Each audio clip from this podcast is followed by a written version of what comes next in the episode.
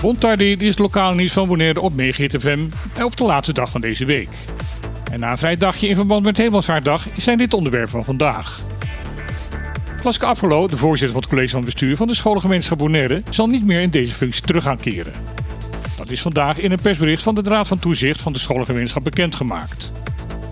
Apollo was al door de Raad voorlopig op normatief gesteld nadat ze de waarnemend unit-directeur van het MBO, Lisette de Keizer, op staande voet bleef ontslagen te hebben. Een stap die door velen niet begrepen werd, mede doordat de keizer haar functie aan het eind van dit schooljaar zelf zou gaan neerleggen en terugkeert naar Nederland om daar haar werk als directeur op het ROC Mondriaan in Den Haag weer op te pakken. Omdat de keizer geliefd is onder het personeel van het MBO, kwamen ze daartegen in opstand. Met als gevolg dat Apollo ook zelf thuis mocht gaan zitten. Deze situatie blijkt nu definitief te zijn geworden. Totdat de ontstaande factures kunnen worden ingevuld, zullen de bestuurlijke taken van mevrouw Apollo worden ingevuld door de unitdirecteur van Liceo en VMBO.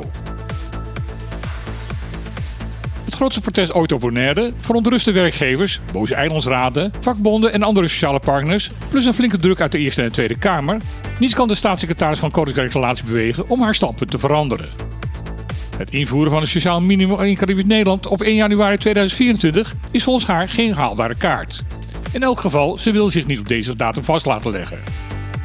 Politiek gezien misschien niet onverstandig van mevrouw Van Huffelen, want als ze dat wel zou toezeggen en die datum alsnog niet gaan halen, kan ze zonder enige twijfel de nodige moties van wantrouwen uit de Tweede Kamer tegemoet gaan zien. Om een sociaal minimum te best kunnen vaststellen is volgens Van Huffelen de uitslag van het onderzoek van commissie Todé nodig. De verwachting is dat deze voor 1 oktober met een eindrapport zal gaan komen. Minister wil wel toezeggen dat haar ministerie het nodige voorwerk wil gaan doen met de gegevens die nu al bekend zijn. Om zo de tijd tussen het bekend worden van de gegevens van de commissie Today en het daadwerkelijk invoeren van het sociaal minimum zo kort mogelijk te maken.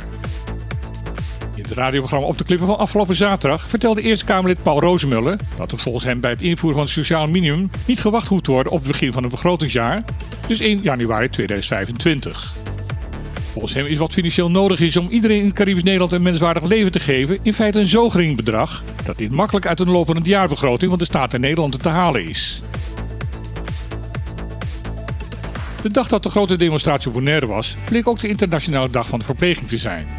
Dit is op die dag in kleine kring door Centro Acceso en de dienst publieke gezondheid gevierd. Nu Fundación Maridal bekend heeft gemaakt dat er een ernstig tekort is in medisch personeel en dat veel verpleging op de laatste benen loopt door een te hoge werkdruk, is deze dag van extra belang. Ook in de Tweede Kamer wordt met zorg gekeken naar de mededingen van de directie van het ziekenhuis dat er momenteel de situatie zo ernstig is dat code oranje is afgekondigd. Tweede Kamerlid Jobe van den Berg van het CDA heeft de verantwoordelijke winstpersonen hier al vragen over gesteld. Wil onder andere weten hoe het kan dat er een tekort is aan zorgpersoneel Bonaire, terwijl het ministerie van Volksgezondheid, Welzijn en Sport blijft bezuinigen op de beschikbare gelden voor de zorg. Vooral de mededeling van de directie van Mariedal, dat binnenkort door geldproject de zorg op het eiland zal moeten worden afgeschaald, is hard aangekomen in Den Haag. Een recordjaar, dat was 2022 voor de kustwacht in het Caribisch gebied. Nog nooit werden er zoveel drugstransporten in één jaar onderschept. Bijna 30 ton aan drugs bereikte nooit de eindbestemming. Is een sterke stijging ten opzichte van het jaar daarvoor. Dat schrijft de minister van Defensie, Kasia Ollegren, aan de Tweede Kamer. De kustwacht schrijft dit succes vooral toe aan het sterk verbeterde informatiepositie die het afgelopen jaar is verkregen.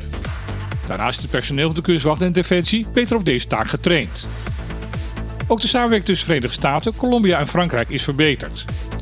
Ook kon men dit jaar meer rekenen op de steun van de marine. Door deze ontwikkeling verwacht de kustwacht dat ook 2023 weer een succesvol jaar gaat worden in dit opzicht. Dit was weer het lokale nieuws van vandaag op Megahit FM. Morgen is er weer van 12 tot 2 het programma op de clip op deze zender. Ook dit keer zullen we weer diverse interessante gasten gaan ontvangen. Wil je daarna gaan luisteren? Graag tot morgen. En anders weer heel graag. Tot maandag.